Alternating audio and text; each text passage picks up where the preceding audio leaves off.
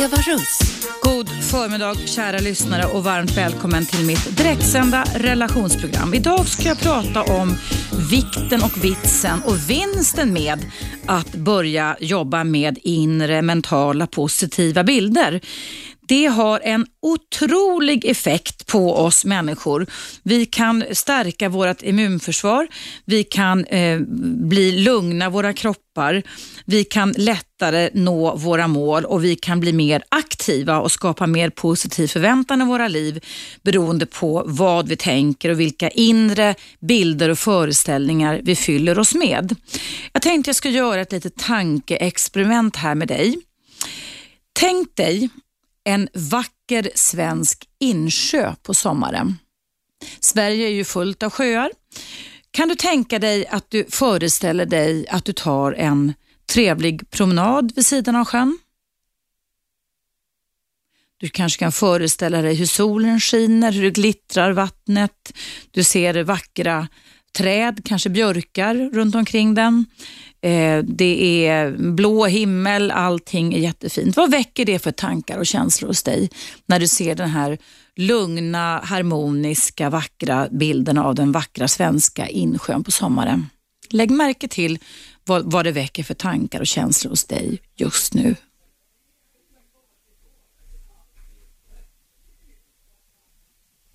Mm. Nu ska jag ju komma med en bild som jag hoppas inte skrämmer, skrämmer er, men jag vill göra den som en liten motsats till det här. Tänk dig samma bild igen. Den här bilden som du tänkte på precis nu, den här vackra svenska insjön på sommaren. Men att du istället ser en drunknad människa som ligger i den. Vilka tankar och vilka känslor känner du nu? Att du fått kontakt med när du ser en drunknad människa dras upp ur den sjön. Nu går vi tillbaka till den här bilden igen. Du tänker dig en vacker svensk insjö på sommaren och sen lägger du framför ditt synfält en flaska champagne det kan vi göra när vi har Photoshop inne i våra hjärnor. En flaska champagne och den här vackra insjön och ingen drunknad människa där utan bara en flaska champagne, kanske två glas, ett litet bord som står nere vid eh, kanten till sjön. Vad väcker det för tankar och känslor dig då? Mm. Jag skulle tro att du just nu kände skillnaden. Vad det kan få för otrolig effekt inne i din kropp och i din själ beroende på vad det är för bilder som du ser framför dig. Och Det är faktiskt så att runt om i världen idag inom neurovetenskapen och neuro psykologin så forskas det hejvilt just på att det här med mentala bilder, inre bilder och föreställningar spelar en väldigt stor roll i väldigt många psykiska tillstånd och psykiatriska diagnoser.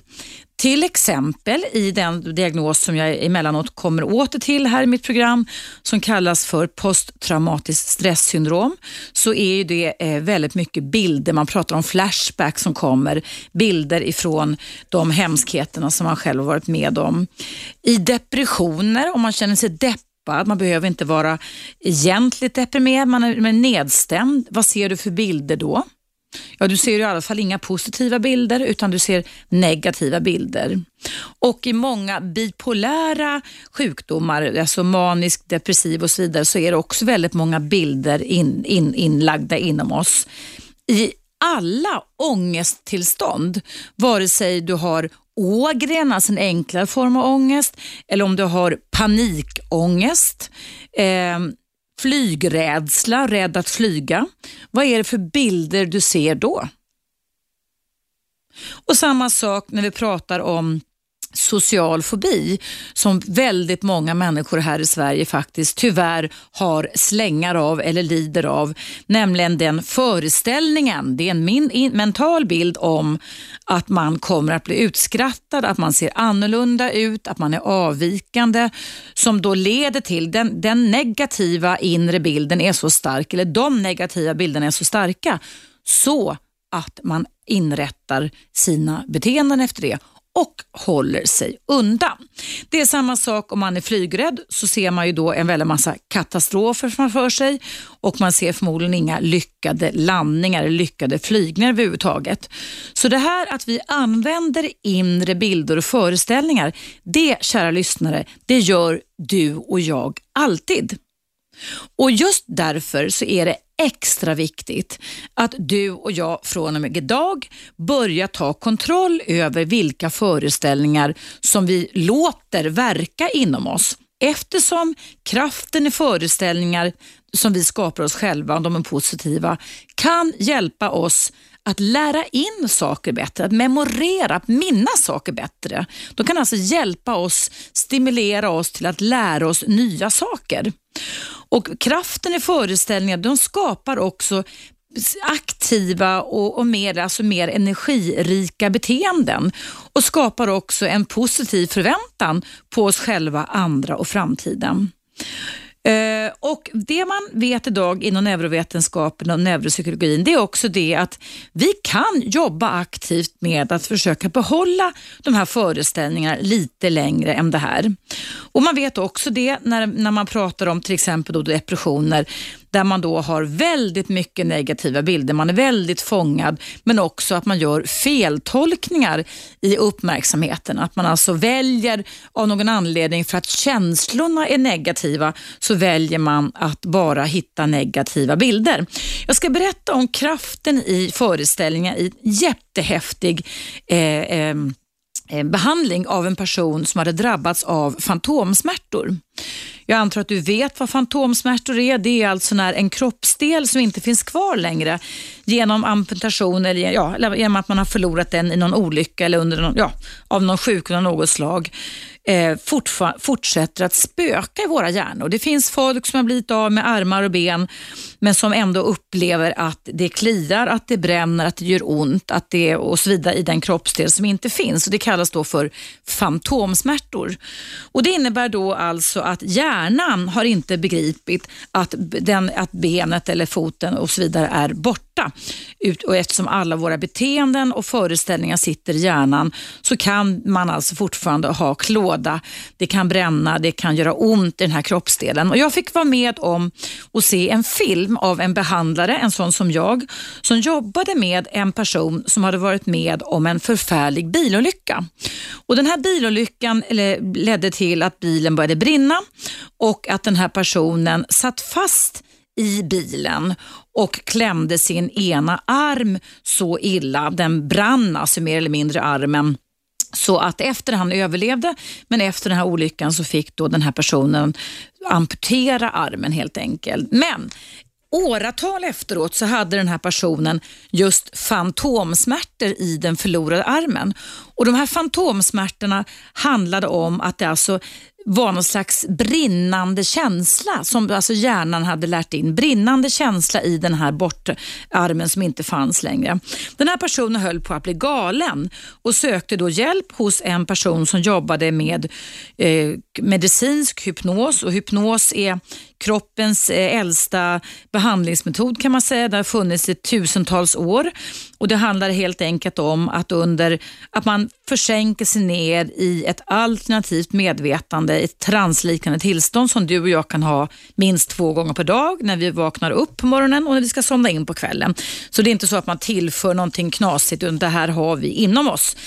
Man blir alltså ganska djupt avspänd, inte medvetslös men djupt avspänd. Och Då fick den här personen som hade fantomsmärtor föreställa sig hur han gick och la sig på en, en strand någonstans. Det kunde varit kanske om det var i Sverige en svensk insjö. Men det här handlar om att lägga sig då eh, i vattenbrynet heter det på en, en, strand där vågorna rullade fram och tillbaka. Det kan ju du också säkert föreställa dig hur de rullar in och hur de rullar ut. Jag har för mig att den här mannen föreställde sig att han var på en sandstrand. Du kan ju tänka dig själv den här behagliga bilden.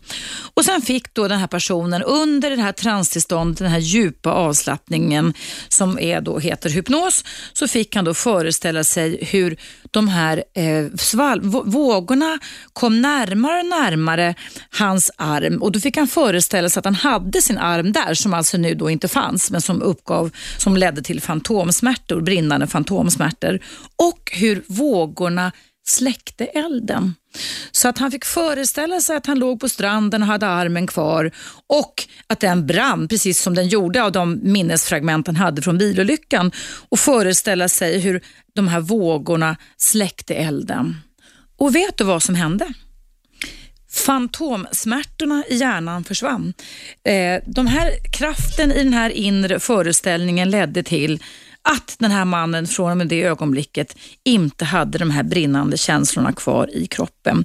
Det handlade om en timmes eh, djup avspänning med kraftiga föreställningar och därför så är det så viktigt när vi pratar om kraften och föreställning i alla sammanhang som vi människor konfronteras med dagligen att vi tänker på hur vi, vilka bilder vi ser framför oss. Det kan handla om när vi ska hålla tal, när vi ska ta upp en löneförhöjning, löneförhandling, utvecklingssamtal, när vi ska eh, göra något, säga något till andra människor, när vi ska realisera saker som vi har gått och funderat över, när vi ska möta andra människor så är det här med inre föreställningar urviktigt. Nu, kära läs lyssnare, är du varmt välkommen att ringa in till mig 0200 11 12 13 och få råd kring hur du kan använda föreställningar i din vardag, i ditt relationsliv. Men du kan också berätta om vad du har för erfarenheter kring kraften i dina inre mentala bilder. Men nu är det dags för en liten paus.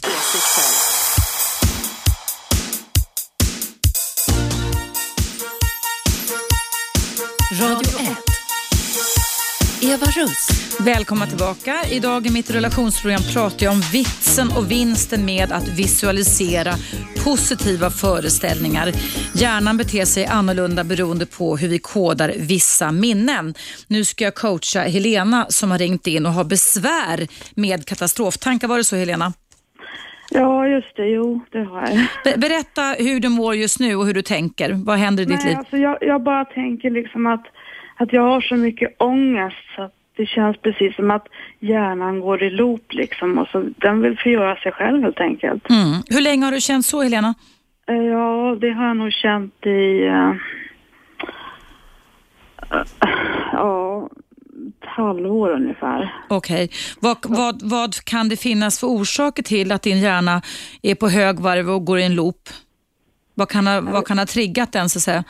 Ja, alltså, det är en lång historia då för att Först hade jag en väldigt traumatisk barndom då med mamma som ville döda mig och skicka bort mig hela tiden. Oj, oj, oj. Hon, oj. hon ville inte ha mig liksom. Och sen så, så träffade jag en man som jag trodde det var jättebra med från början. Men sen har han liksom långsamt psykat ner mig i 27 år. Mm. Han är så lite narcissistisk då så att han, han har liksom psykat ner mig. Och, mm. Ja, har inte fattat det för han har gjort det så himla finurligt va. Mm. Det är många som gör det som har den typen av beteenden tyvärr. Ja, jag har liksom inte fattat vad som har försiggått till för tio år sedan när jag helt enkelt upptäcker det här går inte, jag är inte kär i den här mannen längre. Han liksom eh, har ingen empati och han bara liksom förgör mig och sen så var jag så himla rädd då för att vara ensam. Så jag har varit kvar i det här förhållandet i tio år för att jag inte vågat slita mig loss. Mm. Och till slut så gick det liksom, beslutet tog sig själv till slut. Vi kunde bara inte vara ihop. Vi höll på att förgöra varandra så att eh, då skilde jag mig för ett och ett halvt år sedan. Mm. Sen har jag bott ensam. har, du, har ni barn tillsammans eller? Ja, två stycken. Mm. Och jag gillar inte att bo ensam, tycker inte om att vara själv. Nej. Och så jag känner liksom så att att jag har liksom blivit tvungen att leva ett liv som jag själv inte vill. Jag känner inte att jag har valt det här livet själv. Och jag håller på att brottas med det här hela tiden och min hjärna liksom bara tänker liksom dö, dö, dö, dö. Mm, jag får mm. försöka hela tiden övertala mig själv att det är okej okay att vara en kropp. Att det är okej okay att finnas till. Mm.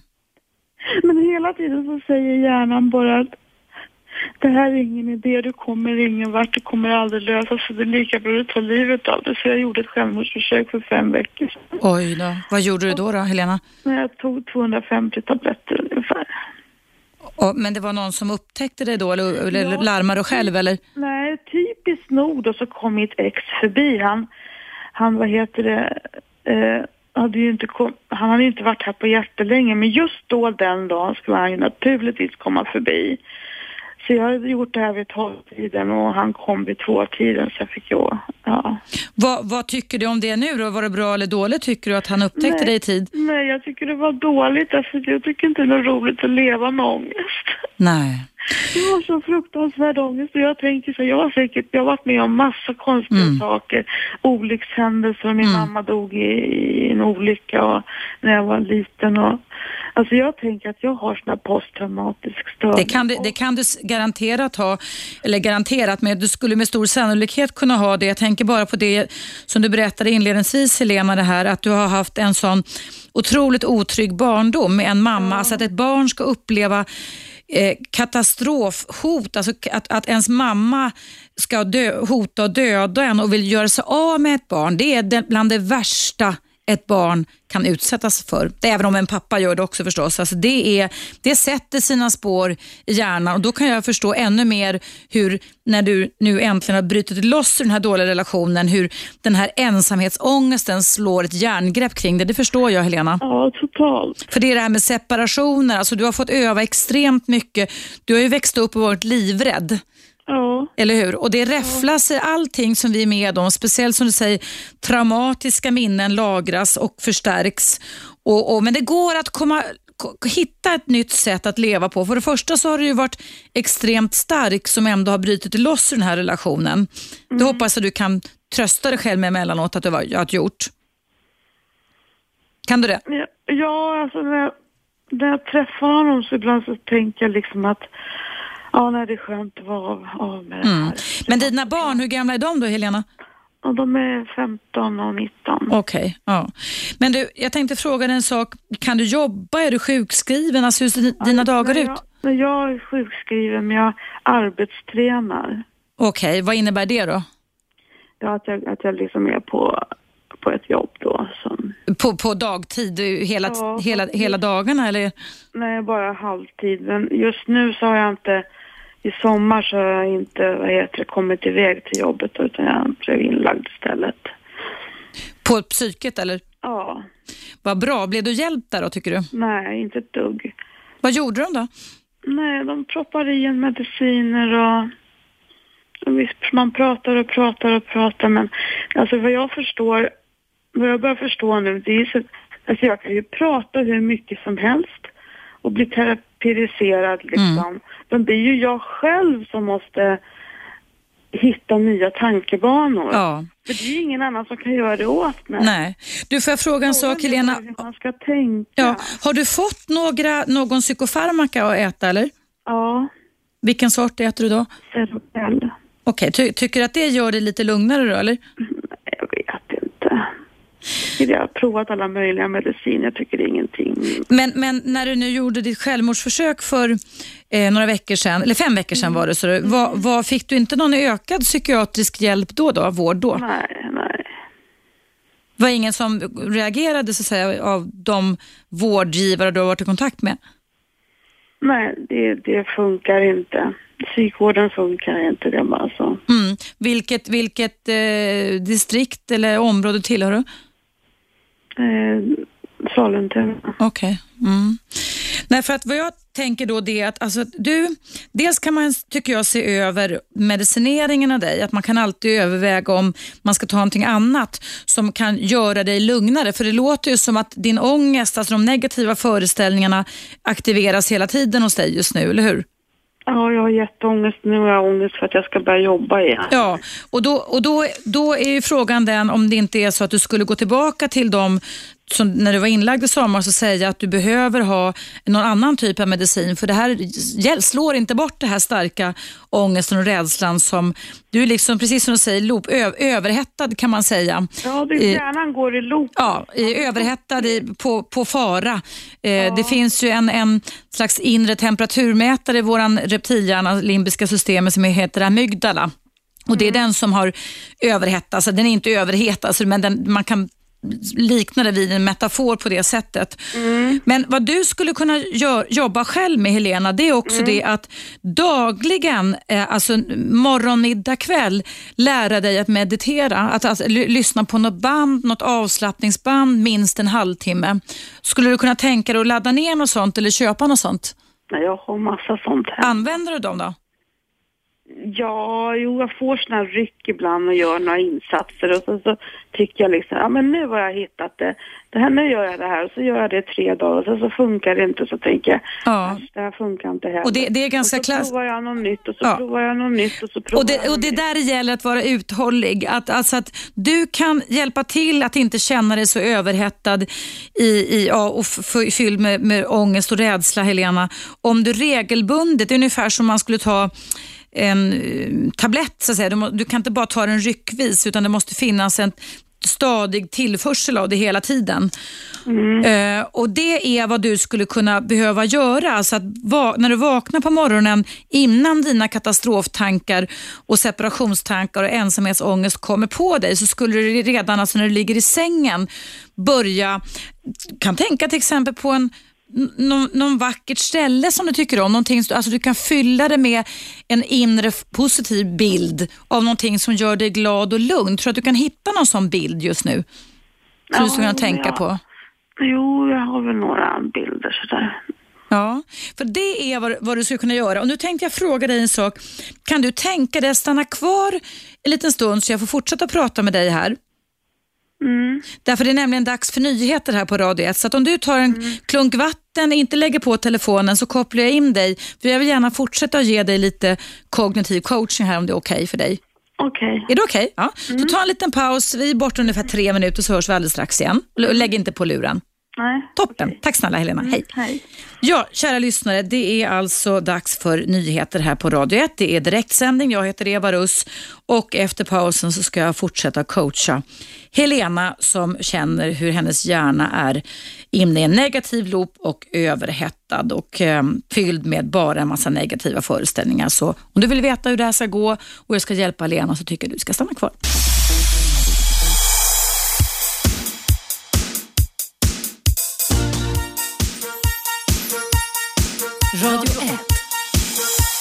Eva Russ. Varmt välkomna tillbaka. Idag pratar jag om vikten och vitsen med att vi skapar oss positiva inre bilder om framtiden. Motsatsen till det är att vi kan fylla oss själva med väldigt mycket katastroftankar, rädsla och ångest. Och, eh, jag ska fortsätta att coacha Helena här. Hallå Helena, är du kvar?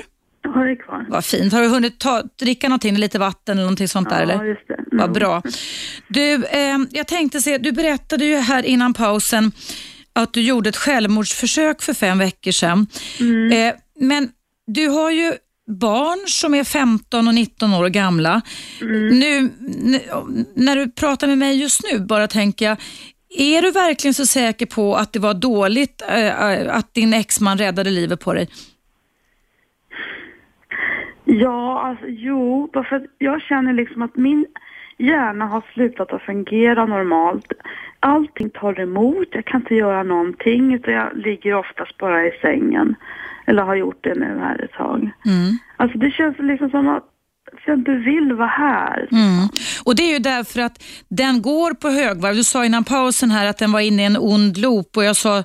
jag jämförde med att den känns lite överhettad, så att säga, hjärnan. Ja. Ja. Men, men med, med rätt psykofarmaka och med dagliga avslappningsövningar så kan alltså dina stresshormoner, kortisolet och även den här eh, överhettningen i hjärnan som du upplever som blir sånt här tryck, liksom, eller hur? Så att man, det blir mm. outhärdligt, mm. faktiskt göra att man kan må bättre på sikt. Men jag tycker att du skulle kräva av psykiatrin i Sollentuna, Helena, att du får en, en en behandlare bums pronto idag tycker jag du skulle ringa dit och säga att du har pratat med mig om det här. Mm, mm.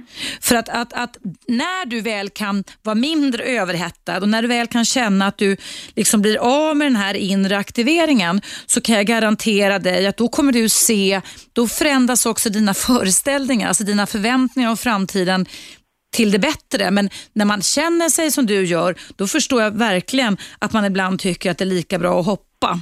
Mm. Men det är ju inte det, för du har ju också ett ansvar. Du berättar ju själv om att du hade haft en fruktansvärd barndom och har du tänkt över konsekvenserna vad det skulle kunna bli för dina barn då, om du skulle fortsätta ta livet av dig? Har du tänkt ja. på det? Ja, alltså jag tänker ju så här att det kanske är skönare för dem att slippa mig än en mamma som är sjuk. Nej, tror, tror du verkligen på det som du sa just nu, Helena?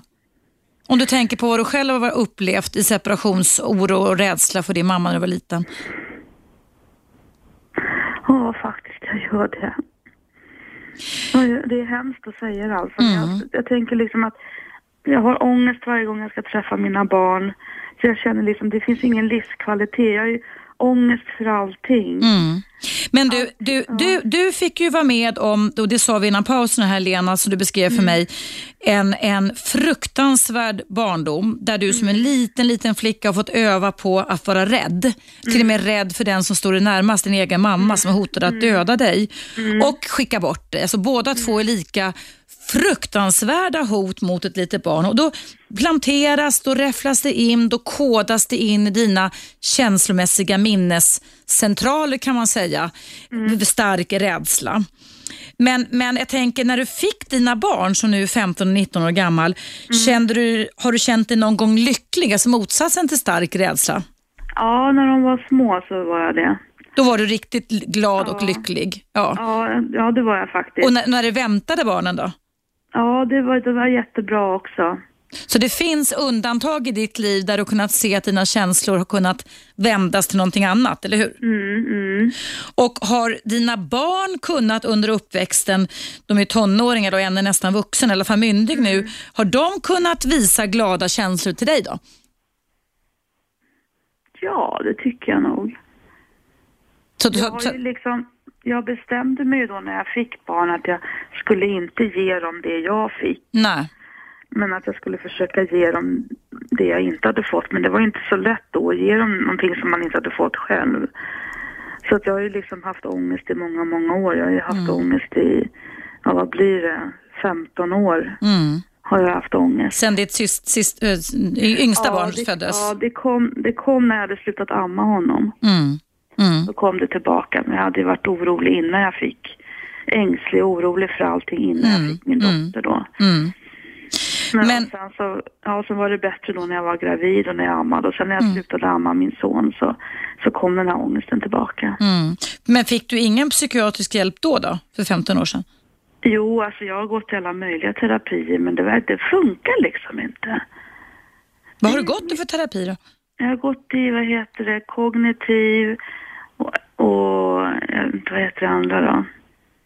Psykodynamisk kanske eller? Ja, psykodynamisk. Ja. Och, eh, och så en sån här LDP eller vad det hette för någonting. NLP, neurolingvistisk... Nej, nej. nej.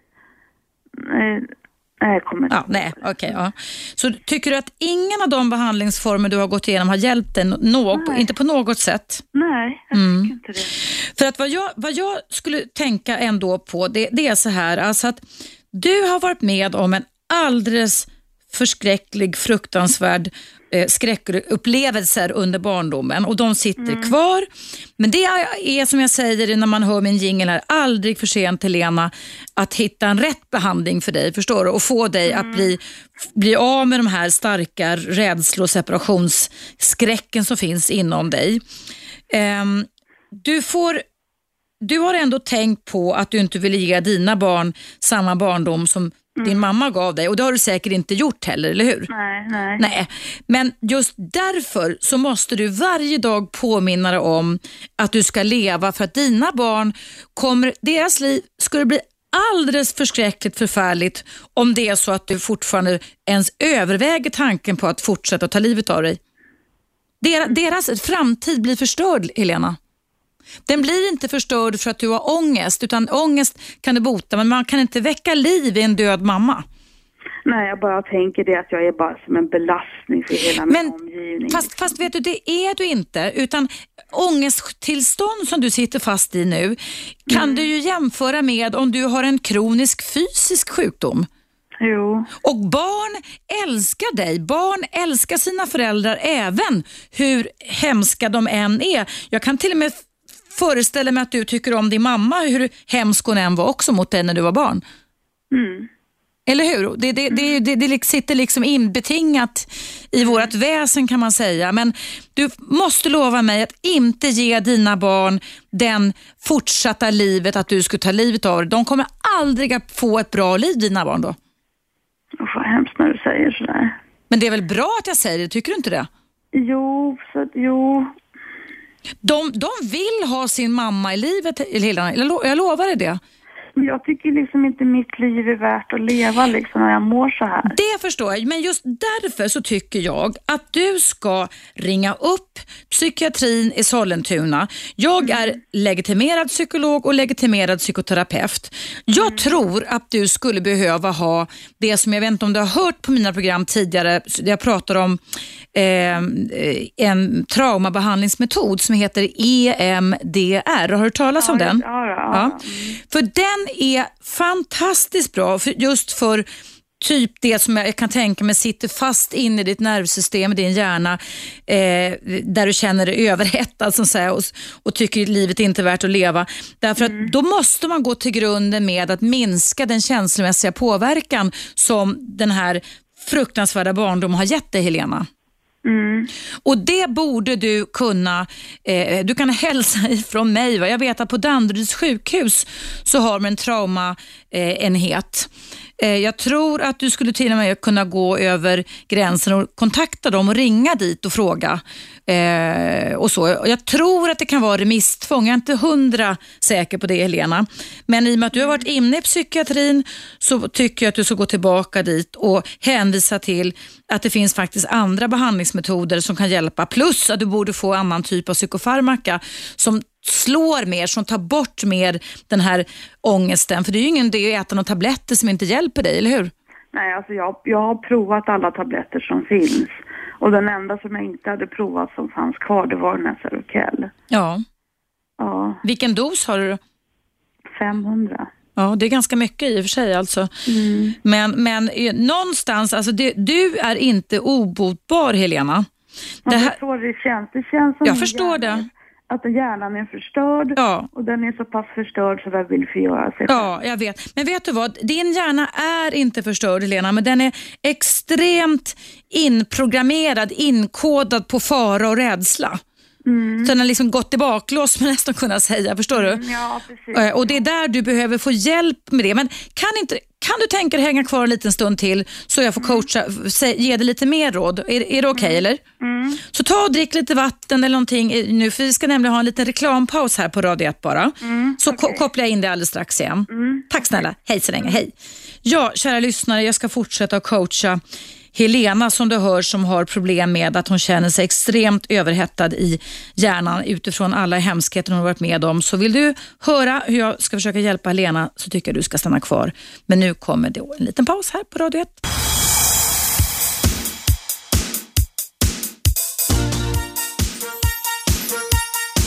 Radio 1. Eva Russ. Varmt välkomna tillbaka och varmt välkomna tillbaka Helena. Är du kvar? Jag har ett svar. Ja, vad fint. Hur känner du dig just nu när vi sitter och pratar på det här sättet? Alltså jag bara tänker på det här med varför man känner sånt fruktansvärt motstånd mot allting. Mm. Det är till och med jobbigt att gå ut med soporna liksom. Och gå allting bara tar emot. Mm.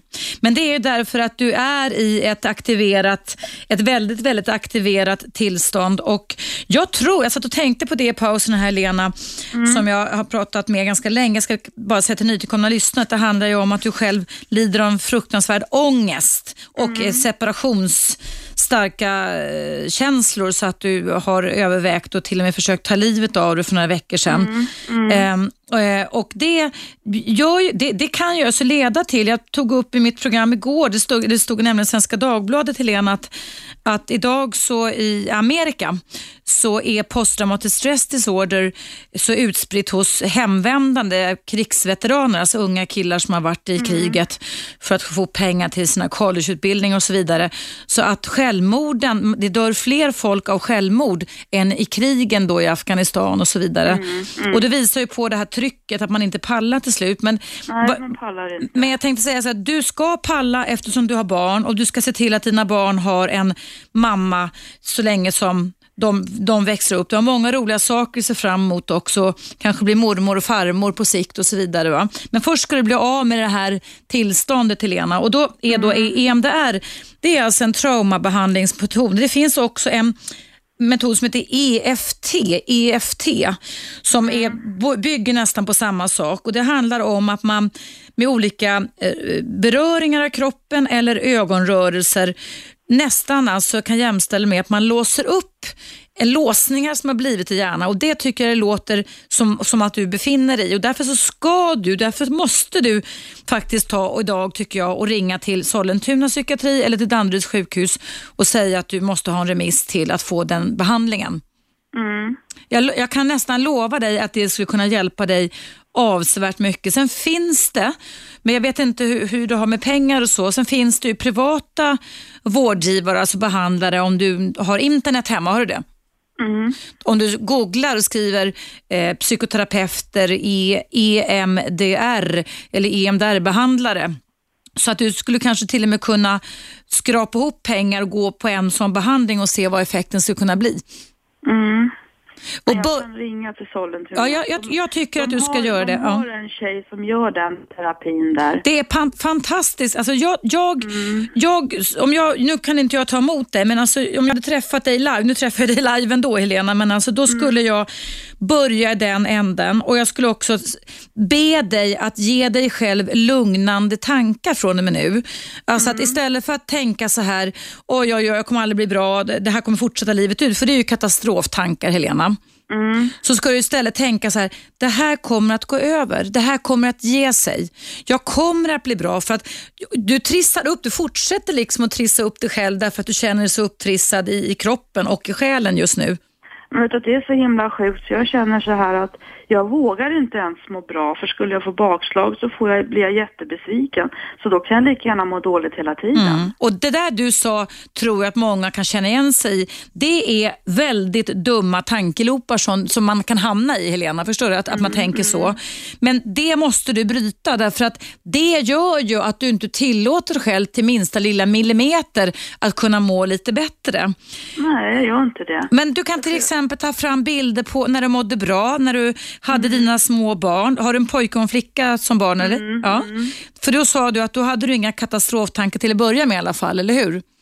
Ja, jag hade väl lite grann kanske. Men... Inte så starka i alla fall? Nej. Nej, jag var väl påverkad av eh, oxytocinet och sådär när man är gravid också. Absolut. Så jag mådde ju jättebra under den perioden. Ja, och där kan du ju också göra någonting nu. Försöka gå och ta massage. Det utlöser oxytocin. Mm, mm. Och det är kroppens välmående hormoner som är jätte, jätteviktiga. Så att daglig avspänning och inte bara göra det ibland utan att lära din överhettade hjärna att gå ner i varv så kommer den att ändra sig så småningom. Förstår du? Mm. Morgon, middag, kväll. Eller sätta på en... Vad är det för avslappningsband du har Helena? Eller band, vad säger jag? DVD heter det väl nu för tiden? Ja, alltså det... Ja, Nej, nu kommer jag inte. Unestål kanske, Lars-Erik ja, Unestål. Ja, han är kollega med mig. De är mm. jättebra. Finns på Veje förlag. Man kan ladda ner dem tror jag också i sina minnen. Va? Det mm. finns mindfulness. Att börja dagen alltså nästan innan du kliver ut ur sängen, att gå ner i varv kan vara ett mycket effektivt sätt att bromsa din hjärna från att gå upp i varv. Mm. Och sen att göra det här alltså morgon, middag, kväll, eh, flera veckor i sträck samtidigt som du står på dig kring den här behandlingen och mm. börjar ta fram sätta dig ner och ta fram till exempel, har du fotoalbum till exempel från när barnen var små. Ta fram bilder som gör dig glad, så bilder som gör dig lycklig så att du får associationer. Det är också inre bilder, förstår du? När du var glad, alltså roliga saker du har varit med om, för de glömmer man ju bort när man känner sig som du gör just nu. Jo, precis. Mm.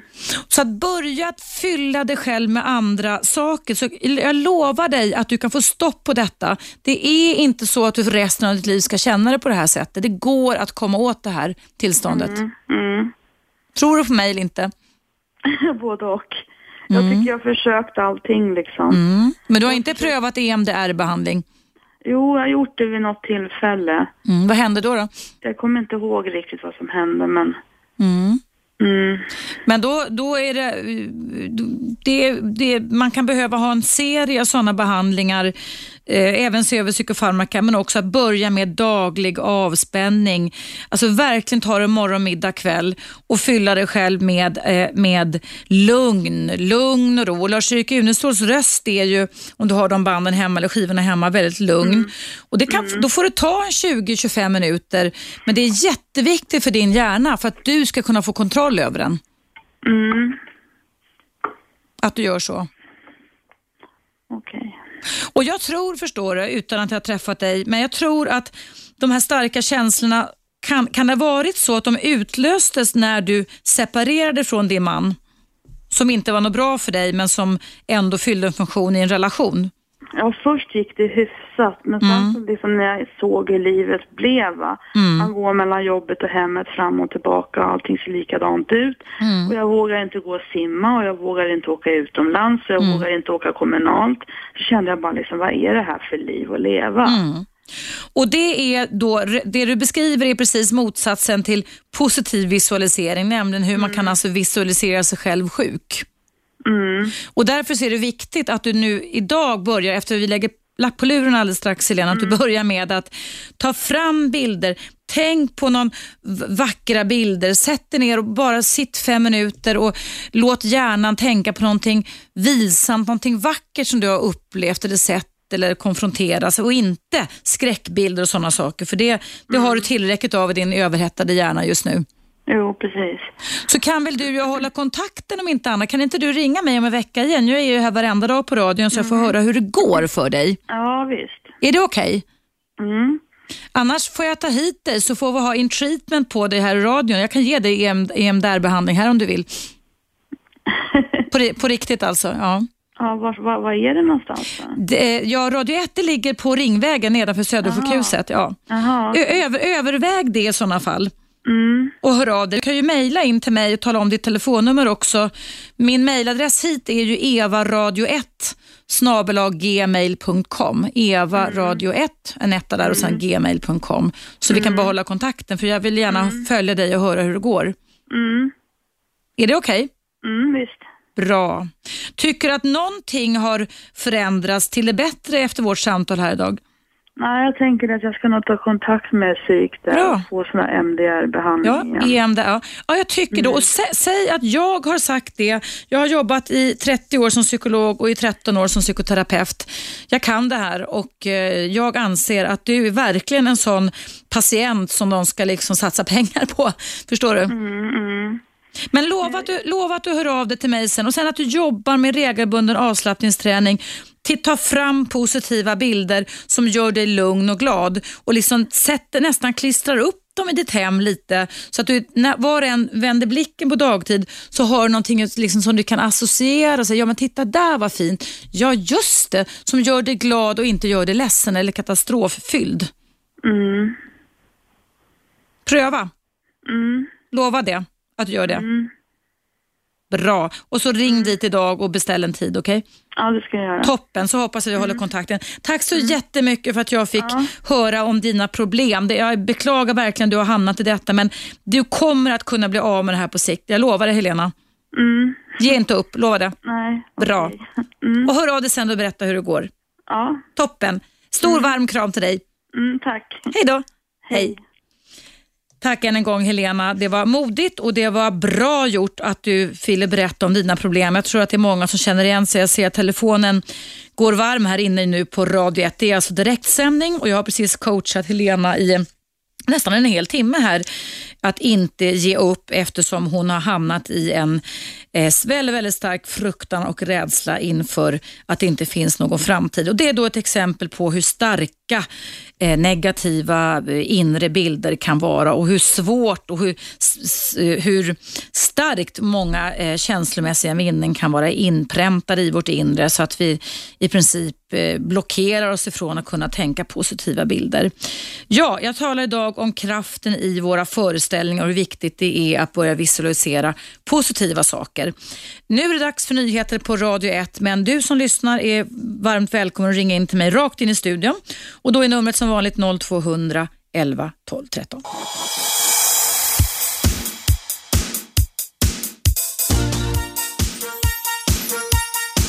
Radio 1. Eva Russ. Varmt välkomna tillbaka. Innan pausen här så hade jag ett långt terapeutiskt samtal med Helena som mådde fruktansvärt dåligt och eh, även hade gjort ett självmordsförsök för fem veckor sedan. Jag ska alldeles strax Eh, eh, plocka in Hector här, men jag måste läsa upp ett jättekort mejl ifrån Jenny apropå det samtalet med Helena. Så jag hoppas Helena, om du är kvar, att du lyssnar nu. Det står så här. Vill ge ett råd till kvinnan som försökte ta livet av sig. Att direkt börja meditera när man har så pass mycket ångest kan vara svårt. Det fungerar inte alls för mig då jag hade alldeles för svårt att slappna av. Ångesten växte och jag fick panik direkt. Istället råder jag till att först hitta någon form av avslappning som hon känner att hon klarar av. Det kan vara att lyssna på en ljudbok, baka eller lägga sig i ett bad. Någonting som tar bort tankarna ett tag. Badkaret blev min räddning. När jag hade som mest ångest kunde jag ligga i badet från morgon till kväll. Det blev min frizon där jag mådde lite bättre än någon annanstans. Många panikattacker har tagit plats i mitt badrum och än idag badar jag varje dag som min form av terapi.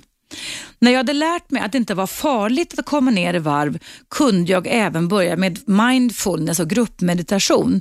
Att meditera ensam tycker jag fortfarande är svårt. Hoppas att mitt råd kan vara till hjälp för någon. Hälsningar Jenny. Ja Jenny, tack så hemskt mycket. Jag tycker det är så fantastiskt i mitt relationsprogram att ni lyssnare vill hjälpa varandra. Det är verkligen empati och sympati. Och nu ska jag prata med Hector. Hallå Hector! Hallå! Hej! Vad väcker dagens ämne och samtal för tankar hos dig?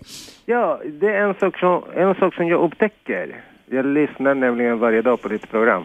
Vad roligt. Eh, och det är så att det, det, är att folk hela tiden säger jag försöker. Mm. Ordet försöker för mig, så alltså att hjärnan tolkar ett försök som en halvhjärtat eh, arbete. Mm. Alltså jag har chans att misslyckas. Mm. Och börjar man med den start, då är det ingen bra start. Mm. Utan jag brukar säga så här, nu gör jag den här. Jag har alla förutsättningar för att klara av den här. Jag är varken mindre eller mer än andra människor. Mm. Jag har exakt samma potential som alla andra människor. Mm. Så om andra har lyckats, så kommer jag också lyckas. Mm.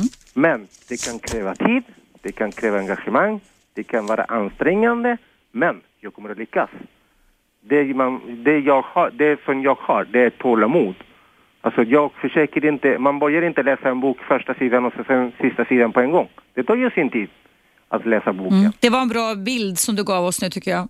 Ja, men Mm. det, det är liksom, det, det, är så jag, det är så jag ser på saken. Jag har själv varit deprimerad en gång i tiden. Mm. Och jag vet hur det känns, hur svårt det, hur svart det allt ser ut och tunnel liksom, man ser inte ljuset på tunnel. Mm. Man tänker allting är negativt, allting, ingenting fungerar, det finns ingen anledning att leva, det finns ingen anledning till det där, bla bla bla bla bla. Mm. Allting är negativt. Mm. Men när man väl vänder på det så tänker man varför? Det här är bara en tanke, det är bara en föreställning. Mm. Alltså det är ingen verklighet.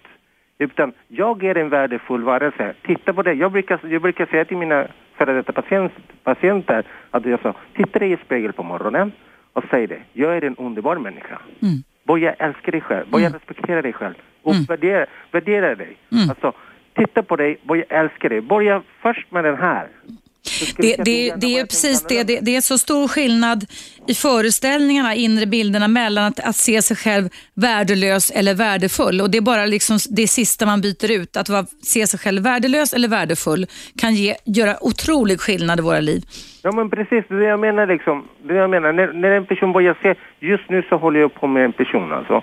Så hon är väldigt deprimerad och sådär. Hon, Vad jobbar du med för någonting? Du sa patienter Hector. jag, jag har jobbat som andligt coach en gång i tiden. Okej, okej. Så jag la Mm. ner verksamheten, men nu... Då förstår jag varför du så har kommit med så många bra råd då i radion här också. ja, ja, det var grunden kanske. Mhm. ja. Jo men alltså jag menar, alltså jag la ner verksamheten men det har spridit sig så folk kommer i alla fall. Okej. Ja, men eh, och då, det, det var det jag sa till den här personen alltså att, alltså tänk inte negativt alltså. Mm. Alltså den här att tänka negativt, det skapar bara problem för dig. Mm. Du, det är du som bestämmer. Det är dina tankar. Det är du, vem bestämmer dina tankar? Det är inte jag, det är inte grannen, det är inte Mm. din syster, det är du.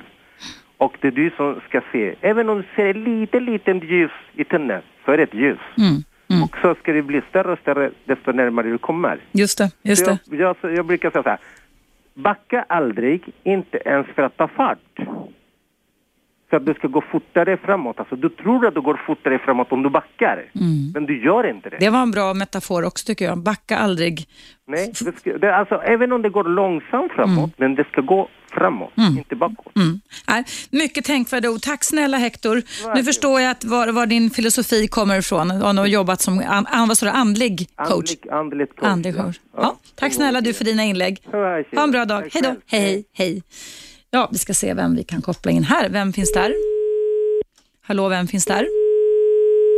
Då så, då tar vi inte emot något samtal just nu. Då ska jag berätta för dig om du är nytillkommen lyssnare att idag så handlar mitt program om visualisera mera. Att det är oerhört viktigt för oss människor att vi börjar bli medvetna om vilka dagliga föreställningar vi har eftersom våra inre föreställningar alltid finns inom oss och eh, vi använder oss alltid av dem, vare sig det är omedvetet eller medvetet. Och De negativa bilderna skapar en ja, negativ aktivering, rädsla, ett agiterat tillstånd, Eh, en aktivering som kan vara outhärdlig med tanke då på Helena som jag fick coacha här i första timmen. Och Det kan leda till en väldig massa feltolkningar och ge en uppmärksamhetsbias som det heter, eller bias, som innebär att man generaliserar utifrån de känslor man har i princip nästan allting. Jag ska berätta om en väldigt fantastisk generalisering som hände under andra världskriget och varför jag tar upp den det är därför att jag själv har jobbat i försvaret innan jag blev då relationsexpert som psykolog och eh, jobbade då med projekt som handlade om vikten av att jobba med att förbereda sig inför svåra situationer i kriser och krig. Men hur som helst så här handlar det här om eh, ett, jag tror att det var ett franskt förband som befann sig i Nordafrika under andra världskriget. Och Det var ett förband, låt säga det kanske var 400-500 män, någonting sånt där, unga män som då fick höra talas om, det här var ju innan vi hade då tv och mobiltelefoner och, och alla datorer och så vidare, fick höra talas om att en rök, ett, ett annat förband i närheten av deras förband hade blivit attackerat och bombarderat med en av rökgranatattacker. Och rökgranatattacker det är tydligen bland det värsta man kan få. Man inhalerar det och det bränner och ögonen rinner. Och inom loppet av några minuter så hade de här 400-500 männen i det här franska förbandet alla fått synbara symptom på just rökgranatsymptom, attacksymptom. De hostade och de rann i ögonen och det kliade och det var jätteproblem. Men här kommer själva tvisten och håll i det nu. Efter ungefär en timme när alla hade gått omkring, nästan alla gått omkring och fått de här rökgranatsymptomen så kom det ett sändebud till det här förbandet, det franska förbandet och sa nej hoppsan, oj oj, det blev visst lite fel här. Det var nämligen så att det var ingen rökgranatattack utan det var en vanlig granatattack utan rök. Och vad tror du, tror du då att hände med de här männen som hade de här symptomen på rökgranatattacken? Jo, då försvann ju symptomen direkt. ett kraftfullt exempel på hur våra inre mentala bilder kan göra oss sjuka respektive friska.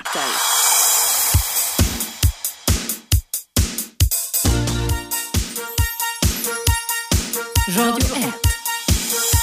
Eva Russ. Varmt välkomna tillbaka. Eh, jag pratar idag om vikten och kraften av att vi ska bli medvetna om vilka mentala inre bilder som vi matar oss själva med, tillåter oss mata oss själva med eller inte får hjälp med att bli av med. Och då ringde Emma in. Hallå Emma! Ja, hej. Hej, berätta vad du tänkte på när jag pratade med Helena här i första timmen i programmet. Jag tänkte eh, hela tiden på dessa psykofarmaka som hon har fått. Alltså, uh, och för att jag har er, erfarenheter av förgiftning eller beroende eller vad man vill kalla det för med, av bensodiazepiner. Alltså dessa lugnande medel, Sobril och, och Stesolid och så vidare. Det finns många, många olika sorter och, och det skrivs sådana recept dagligen i mängder fortfarande. Eh, Men det, skulle, det ska inte göras för att Socialstyrelsen har varnat för det men, men det fort, fortsätter. Alltså de kan ge ångest. Och även människor som, som har fått det kan, i onödan, som inte har haft ångest ursprungligen, kanske har fått i, i samband med en sorg eller någonting helt onödigt. De kan utveckla starka ångestsymptom och andra jobbiga sym symptom och aldrig förstå tyvärr vad det handlar om. För när de kommer tillbaka till läkare och säger jag känner mig sämre, jag har ångest fortfarande, så får de bara en ny recept med starkare medel och så vidare. Va? Mm. Det blir en kemisk cocktail, kemisk förgiftning kan man nästan säga. Just det, och vissa är känsligare och vissa blir alltså, alltså beroende och, och det är väldigt svårt att, att bli av med det. Ja. Alltså till de här, till de här medel, han äh, för också sömnmedel som det används mycket i det här landet och, och så kallade eh, alltså Stilnoct och Imovane som verkligen eh, är kända. Alltså, jag har blivit själv alltså, sjuk, mycket sjuk av Stilnoct eh, för att jag visste så lite om detta. Jag visste, jag visste att det hade biverkningar men ifall står det inte att man kan bli illa beroende och få ångest och saker. Jag har haft ångest. Jag har kämpat nu med hjälp av en avdelning alltså på Karolinska som avgiftar. Konstigt nog alltså. Det är bra att du berättar det, för det kände inte jag till. Tack. Tuben heter det. Tuben, nej, nej, nej, de finns inte längre på Karolinska. Nej, det var tidigare, de finns nu på Sabbatsbergs sjukhus. Ja. Mm. Men de heter fortfarande Tuben. Och de har existerat länge, men det är inte så känt. Alltså, de är mycket kunniga.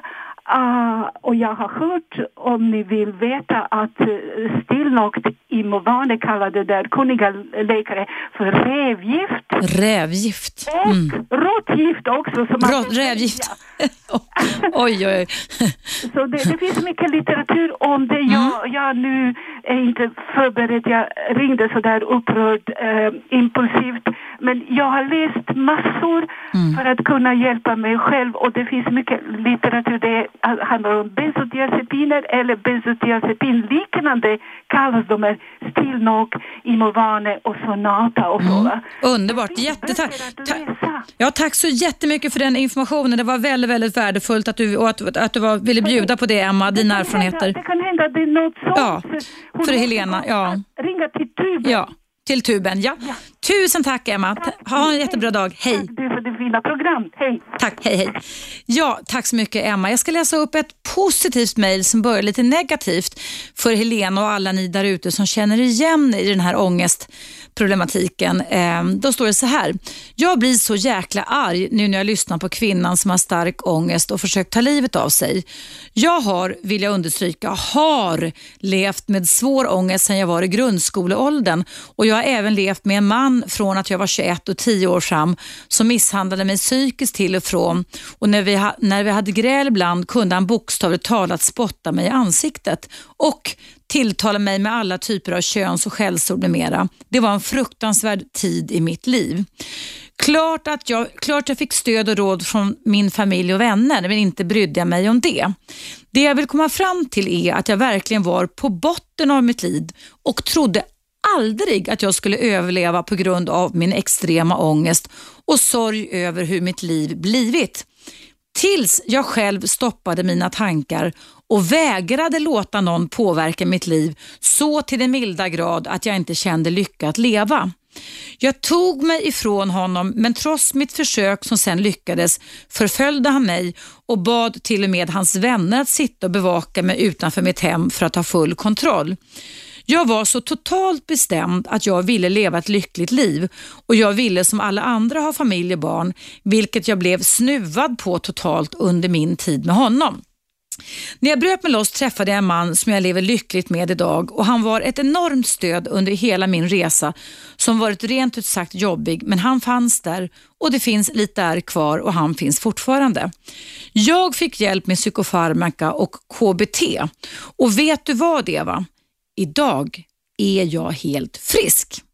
Jag är så lycklig att det nästan är löjligt.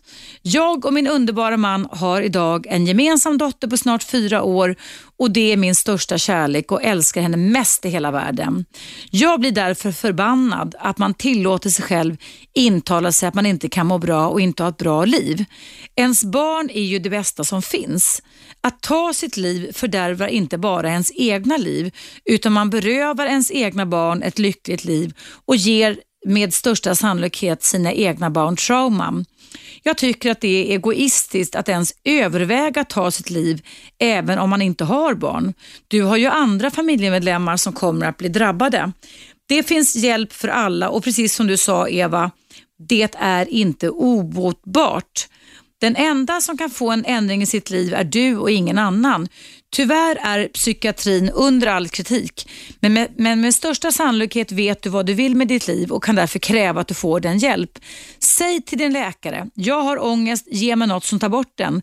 Sen när ångesten lagt sig kan du börja bearbeta dina problem. Har man för stark ångest och inte klarar sig utan medicin så kan det vara svårt att koncentrera sig på terapi. Låt ångesten lägga sig och sen terapi. Men glöm inte avslutningsvis att du har makten att framföra vem du vill vara och bli. Lycka till! Tack så jättemycket för dig då anonyma kvinnan som mejlat in detta och jag hoppas att Helena som jag fick coacha här i första timmen tar till sig det du skriver. Det är aldrig för sent att stoppa dåliga tankar.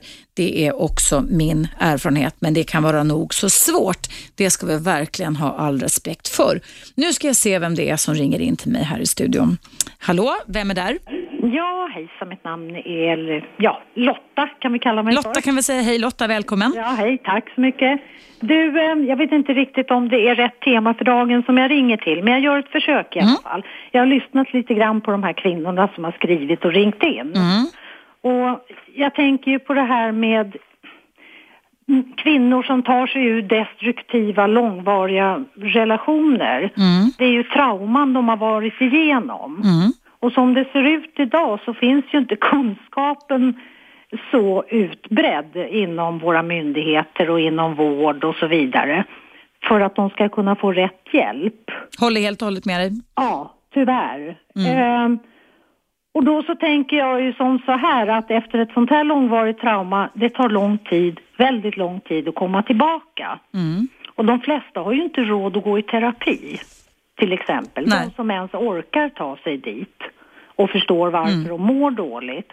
Och då så satt jag och spånade med tanken så här, ja ah, men okej, självhjälpsgrupper Mm. eh, finns inte vad jag vet. Inte mer än i kommunal, alltså kommunens regi, några få. Och det är ju tappra själar som arbetar där. Men de kan ju inte ta emot så många som skulle behöva hjälp. Nej. Jag, jag, jag har ju själv tagit på mig det ansvaret att lyfta destruktiva relationer. Jag har skrivit två böcker om det i alla fall. Ja, jag har lyssnat galet mycket. Ja, Ja. Och, och, och jag vet att, att jag har fått mycket, de är översatta till finska, alla mina böcker. Och, och det är det enda nordiska landet än så länge, men där har man en förening, en självhjälpsgrupp för, den heter faktiskt så, du kan googla på det, det heter för psykopaternas och narcissisternas offer. Psykopaternas. Och Narcissisternas offer, det är en självhjälpsgrupp. Och jag har fått så många förfrågningar av många kvinnor som jag, jag läser mina böcker och tycker det är bra att jag får upp de, destruktiva relationer till ytan. Ja. Eh, och jag säger ju också, det kan du kanske ha hört då Lotta, Ja. att, att jag undrar liksom var finns kunskapen? Det är ju inga andra psykoterapeuter som verkar vara intresserade av att, att, att föra fram det här. Och det Nej, är och ett, jag kan ju säga att som så att väldigt många har inte kunskapen. Nej, jag tror också att det handlar om det. Man sitter och, och romantiserar och tänker på ideala relationer som knappast egentligen Ja. finns idag, eller hur? Ja. Och Det här kan ju ge sjukdomstillstånd på massa andra sätt. Det kan bli posttraumatiska stresssyndrom, flashbacks, depressioner, Ja, ja, ångest, vad det än är. Och man kan ta livet av sig för man har haft en dålig relation också. Ja, har man inte gjort det innan så. Ja, så det, det, det är verkligen, men det, det, har- vi kan fundera på saken. Vi kan väl uppmana andra lyssnare med, när du kommer med så goda idéer och fråga om vi skulle kunna Ja, ordna. för att är det några som besitter kunskapen, alla har vi ju kommit olika långt, Mm. så är det ju vi själva som har varit i dem. Ja, Eh, jag skulle inte kunna få vara så fräck att eh, sen när vi har lagt på luren lämna en e-mailadress och härmed säga till kvinnor där ute i etern att det är, är det någon annan eller några andra som är intresserade att tillsammans med mig försöka starta upp något dylikt mm. så får de jättegärna höra av sig till mig. Mm. Men du, det är en jättebra idé. Om du mejlar till mig, Ja. Eva radio 1, den etta, Ja. och sen snabela gmail.com. Den adressen finns på Radio 1 hemsida. Ja. Och refererar till att du kallar för Lotta idag. Ja. Så kan jag läsa upp det i, imorgon, eller alltså regelbundet, så kanske vi kan ska, skapa en grupp tillsammans. Det är ett alldeles utmärkt förslag tycker jag. Ja. Mm, toppen! Det här är helt nytt för mig. Jag vet inte riktigt hur det ska gå till. Nej, det, nej men det, det är så eh, kreativa idéer skapas. Ja. Bra, Ja, det kan göra skillnad. Toppen. Ja, då tackar jag dig för hjälpen också. Så ska vi se vad det kan bli av den, den självhjälpsgrupp för kvinnor som har levt i destruktiva relationer. Ja, Mm. absolut. Toppen, vilken bra idé. Då får vi säkert höra av varandra längre fram ska du se. Med all säkerhet. Ja. Tack snälla. Tack själv. Hej, hej. Ja, det var väl ett jättebra förslag. Ni ser, vi hjälper varandra, alla vi som är engagerade i relationer och som lyssnar på Radio 1 och framförallt då mitt program som handlar om relationer i direktsändning. Nu däremot har det blivit dags för nyheter här på Radio 1. Men du som lyssnar och som vill engagera dig i dagens ämne som handlar om vikten och vinsten med att kunna ta kontroll över vilka inre mentala bilder och föreställningar vi har som kan vara delar i många sjukdomspsykiatriska diagnoser och sjukdomsförlopp om vi inte stoppar dem i tid. Ring in till mig även i pausen och numret är som vanligt 0200 11 12 13.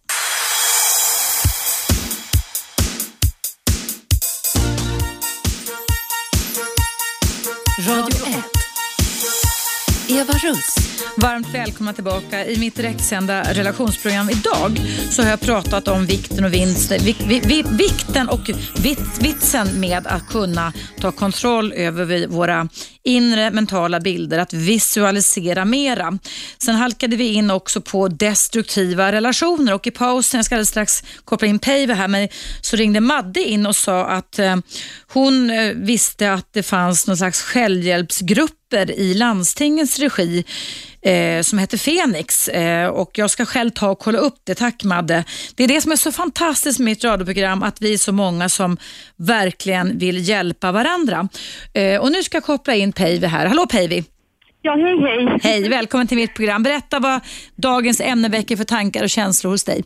Jo, det är i två delar skulle jag vilja säga. Just Mm. det här inre bilder och eh, i och med att jag har levt i sådana här destruktiva förhållanden också med Mm. män, ehm, har haft barn. eh, så och eh, jag ser ju liksom långt tillbaka, jag är 45 år idag och ser långt tillbaka att det har med min anknytning att göra men det tog tid att acceptera och förstå det verkligen inne i hjärtat att så är det. Mm. Eh, och eh, då har jag sökt upp de här männen och ehm, det är ungefär för fyra, fem år sedan så tog jag riktigt klivet ur att nej nu, nu är det så smärtsamt, nu orkar inte jag mera utan nu måste jag göra någonting åt det här. Mm. För att det är liknande förhållande hela tiden och då, då hittar jag vägen på affirmera, visualisera. Jag har tagit emot allt möjligt liksom och självhjälpsgrupper också för att det fanns alkoholismen i familjen eh, och eh, de beteendena hos de här männen också som var då narcissistiska och eh, psykopatiska. Mm.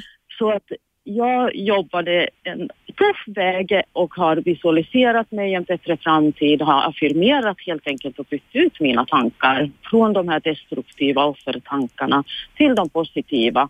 Och det har stärkt mig alltså i, i mig jätte, jättemycket. Hur har du gjort det? För det vore intressant för våra andra lyssnare att få höra hur du har gått tillväga så de kan göra, här- härma dig med, med bra beteenden kring det här att visualisera. Ja, men då har jag gjort så att om jag har vaknat på morgonen till exempel Mm. och då är det något gammalt som pågår efter drömmar och allting. Så har jag helt enkelt tänkt vad vill jag ha i framtiden och verkligen gjort de bilderna och sett dem insidan Mm. av mig och känt känslan i dem och eh, ja, upprepat för mig själv att det här är det jag ska ha, det är det här jag har Mm. och varit väldigt mycket i presens att jag har det redan. Eh, och så fort jag har börjat tänka på de här offertankarna, destruktiviteten, gamla förhållanden, oförrätter så har jag bara dragit tillbaka mig, sinnet dit. Och eh, det har ju hjälpt jätte, jättemycket men sen har jag mediterat också och eh, Mm. motionerat massor. Mm. Och det, och då, så du kan verkligen vidimera att det, man kan omprogrammera sig själv och manifestera bättre tankar genom inre bilder och hård träning, både fysisk och mental träning. Ja, och just det här att affirmera, affirmera framför spegel som någon annan sa. Och det var jätteläskigt i början. Jag hade så dålig självbild men jättebra självförtroende. Mm. Men självkänslan var helt, jag såg mig jätteful. Mm. Och jag är inte alls ful, jag är ju riktigt vacker. Ja, det är du verkligen. Jag har träffat dig en gång när jag släpp, släppte min bok om dysfunktionella relationer, eller hur? Ja, precis. Mm. Och den har jag lyssnat och lyssnat och har faktiskt haft sen dess en kortare light-variant av en relation som eh, hade liknande beteende och jag inser att jag kan inte vara i sånt. Det är inte mitt liv idag. Nej, bra. Jag bär inte någon annans lik från garderober att någon ska projicera över i mitt liv Mm. utan ja, ser ganska sunt tycker jag.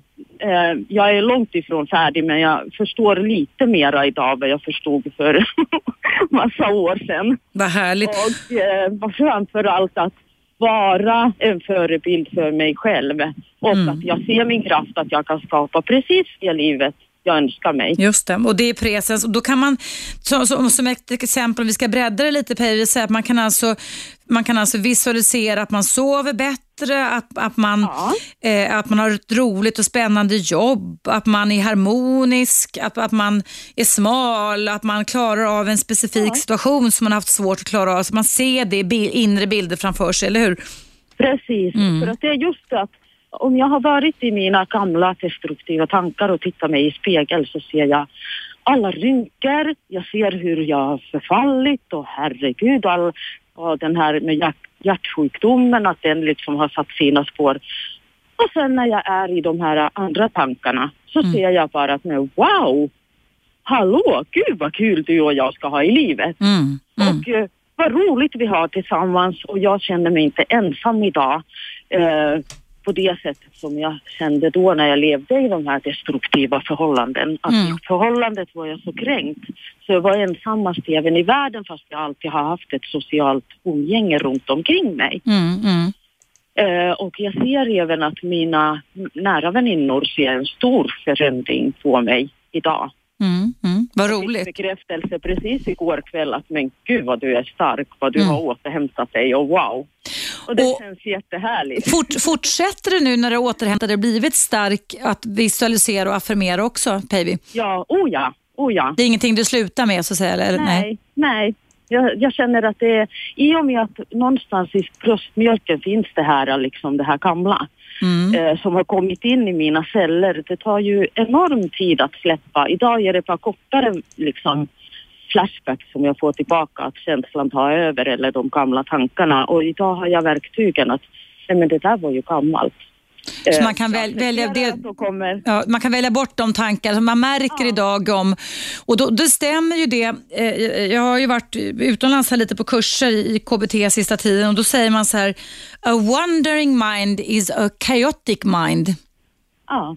Det stämmer, eller hur? Alltså en, va- en vandrande hjärna är en kaotisk hjärna, så det gäller att kunna f- få kontroll på hjärnan så att säga igen Ja, genom att... Alltså tankar är bara tankar. Ja. Och känslor är vägvisare, men de är oftast grundade på tidigare tanke. Mm. Och börjar jag tro på mina tankar så kan jag bli hur vimsig som helst. Ja, ja. Så att jag bestämmer över vad jag tänker idag. Mm.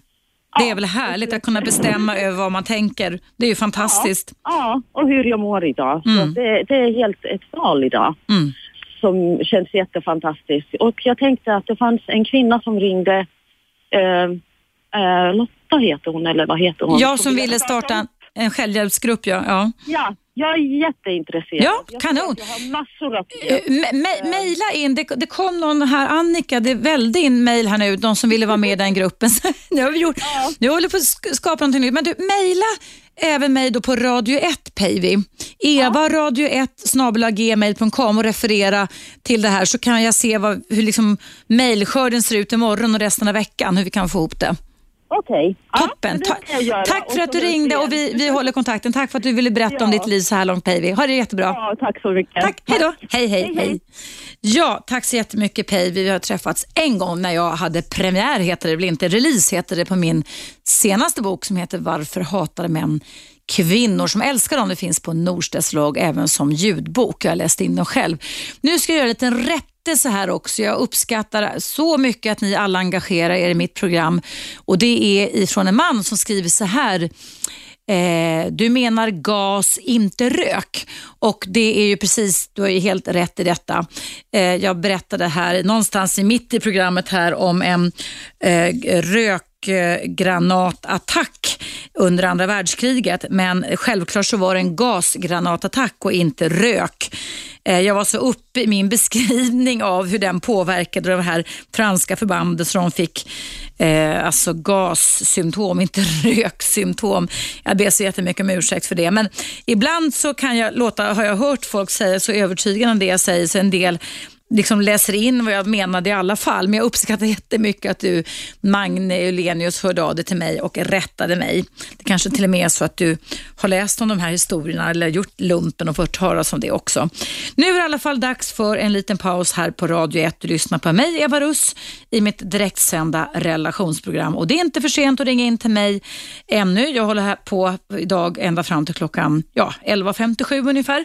Om du har synpunkter, om du vill berätta om ditt liv och vilken betydelse du har fått av att kunna ta kontrollen som Preive sa här och visualisera mera. Och numret är som vanligt 0200 11 12 13.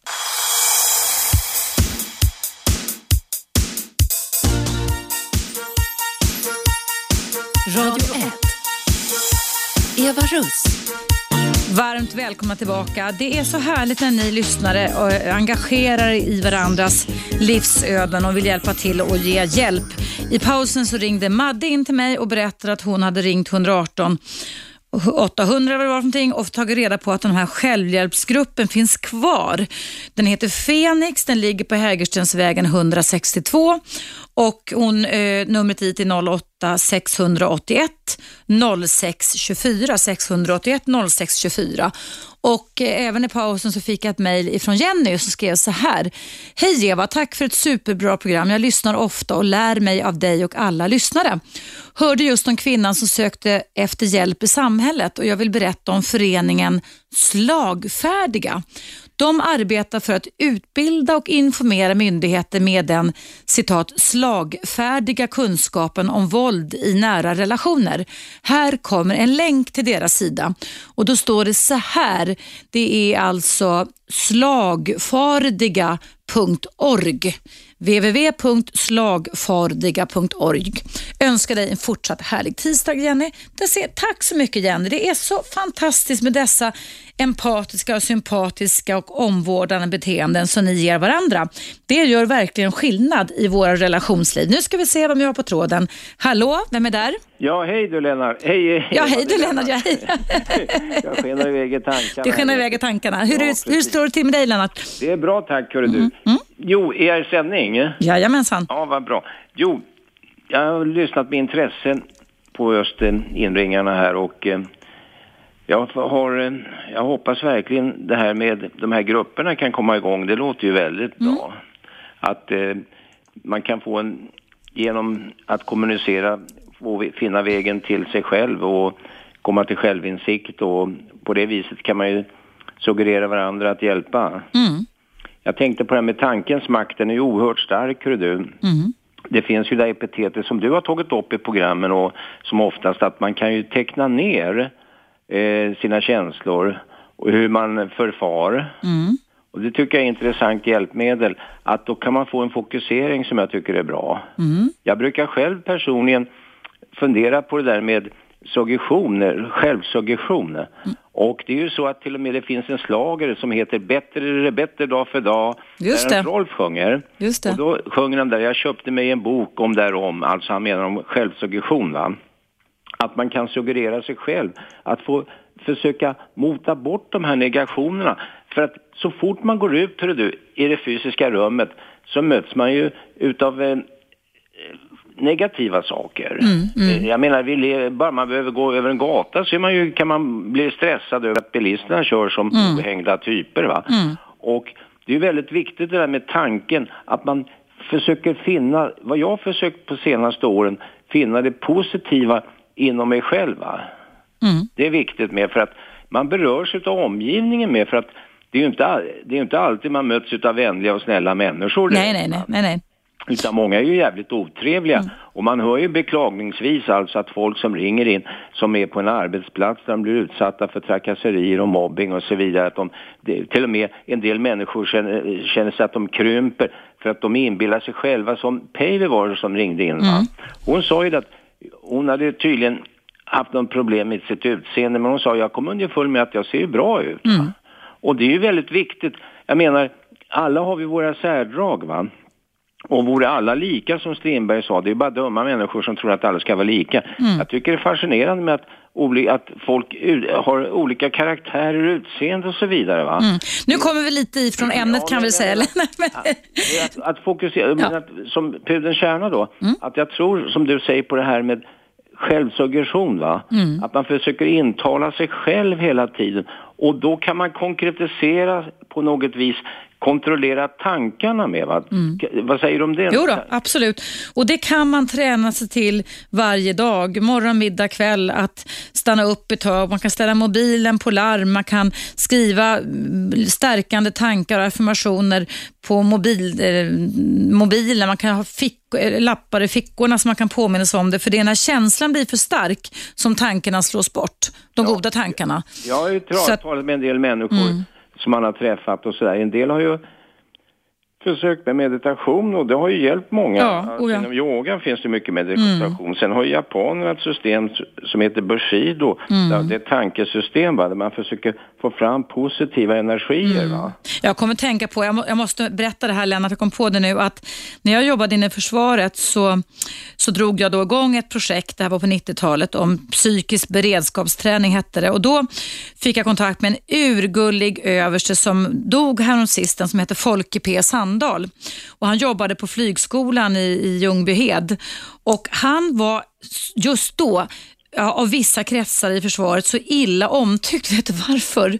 Därför att han hade lyckats eh, få två piloter, alltså flygvapenpiloter som hade kraschat tunnan eller vad flygplanen hette på den tiden då, att bli flygfärdiga igen genom meditation. De tyckte han var flummig, han var dessutom också vegetarian, Folke P Sandahl, men han gjorde ju en enorm insats där egentligen Ja, genom att visa att rädslor och sånt som du är med om kan du bli av med med regelrätt meditation. Sen blev han ju inne igen och det var en väldigt fin dödsruna. Jag tror han dog här i somras faktiskt. Då. Ja. Men, men alltså det var då så tyckte ju folk att det där med meditation och karar och flyg var nej, aldrig i livet. Och man har ju fortfarande faktiskt mycket föreställningar om att när en pilot har kraschat så får han inte flyga någonting mer. Alltså, men att det egentligen då går att korrigera själen därmed. Jag kom på det just nu. Du Lennart, eh, jag måste avrunda programmet. Tack för att du Okej, lyssnar och engagerar dig. Vi hörs. Hej då, hej.